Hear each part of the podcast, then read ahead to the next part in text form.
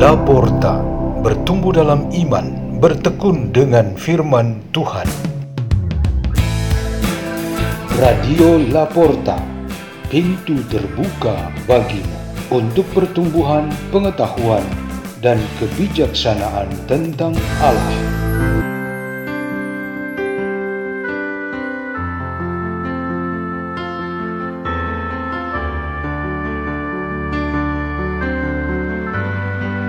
Bacaan dan Renungan Sabda Tuhan hari Selasa Pekan ketiga Masa Biasa 24 Januari 2023 Peringatan Santo Fransiskus dari Sales, Uskup dan Pujangga Gereja.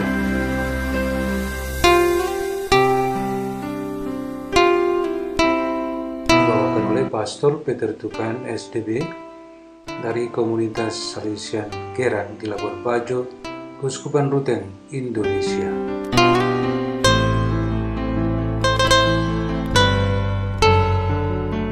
Pembacaan dari surat kepada orang Ibrani bab 10 ayat 1 sampai 10. Saudara-saudara, di dalam Taurat hanya terdapat bayangan dari keselamatan yang akan datang, bukan hakikat dari keselamatan itu sendiri. Karena itu, dengan kurban yang sama yang setiap tahun diulangi, hukum Taurat tidak mungkin menyempurnakan mereka yang ambil bagian di dalamnya. Sebab jika hal itu mungkin, pasti orang tidak mempersembahkan kurban itu. Mereka yang melakukan ibadah itu tidak lagi merasa berdosa, sebab telah disucikan sekali untuk selama-lamanya. Tetapi justru oleh kurban-kurban itu, setiap tahun orang diperingatkan akan dosa-dosa mereka. Sebab tidak mungkin darah lembu atau domba jantan menghapuskan dosa. Karena itu ketika Kristus masuk ke dunia, ia berkata, kurban dan persembahan tidak engkau kehendaki. Sebagai gantinya, engkau telah menyediakan tubuh bagiku kepada kurban bakaran dan kurban penghapus dosa. Engkau juga tidak berkenan. Maka aku berkata, lihatlah, aku datang untuk melakukan kehendakmu, ya Allahku. Sebagaimana tertulis dalam gulungan kitab tentang aku. Jadi mula-mula ia berkata, Engkau tidak menghendaki kurban dan persembahan. Engkau tidak berkenan akan kurban bakaran dan kurban penghapus dosa, meskipun dipersembahkan menurut hukum Taurat. Dan kemudian ia berkata, Lihat, aku datang untuk melakukan kehendakmu. Jadi yang pertama ia hapuskan untuk menegakkan yang kedua.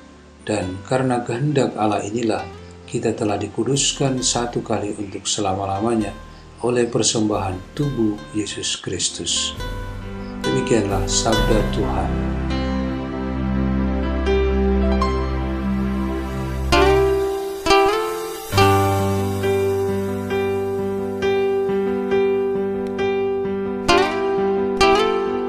Tema renungan kita pada hari ini ialah komunikasi yang bergotong royong.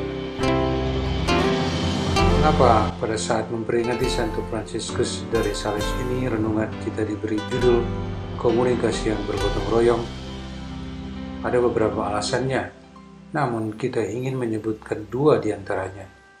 Yang pertama ialah bacaan-bacaan liturgis hari ini dapat dimaknai sebagai sumber inspirasi dan yang kedua ialah tradisi gereja menetapkan orang kudus asal Prancis ini sebagai pelindung wartawan, jurnalisme, dan pers Katolik.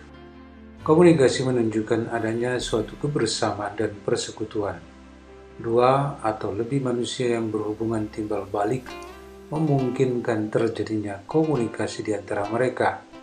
Jika yang terjadi di antara mereka ialah relasi dalam berbicara, percakapan, dialog, berbagi cerita dan bahkan berdebat atau berselisih pendapat, komunikasi itu dapat dikategorikan dalam jenis komunikasi manusia yang natural dan normal.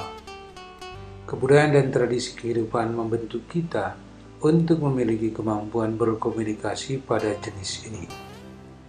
Namun demikian, komunikasi di antara manusia tidak hanya berhenti pada tingkat natural dan normal. Di dalam dunia kerja, penerapan teknologi, sistem organisasi dan rencana kerja, yang memberikan perhatian atau pelayanan kepada publik, jenis komunikasi yang sangat diperlukan ialah komunikasi yang memakai sistem.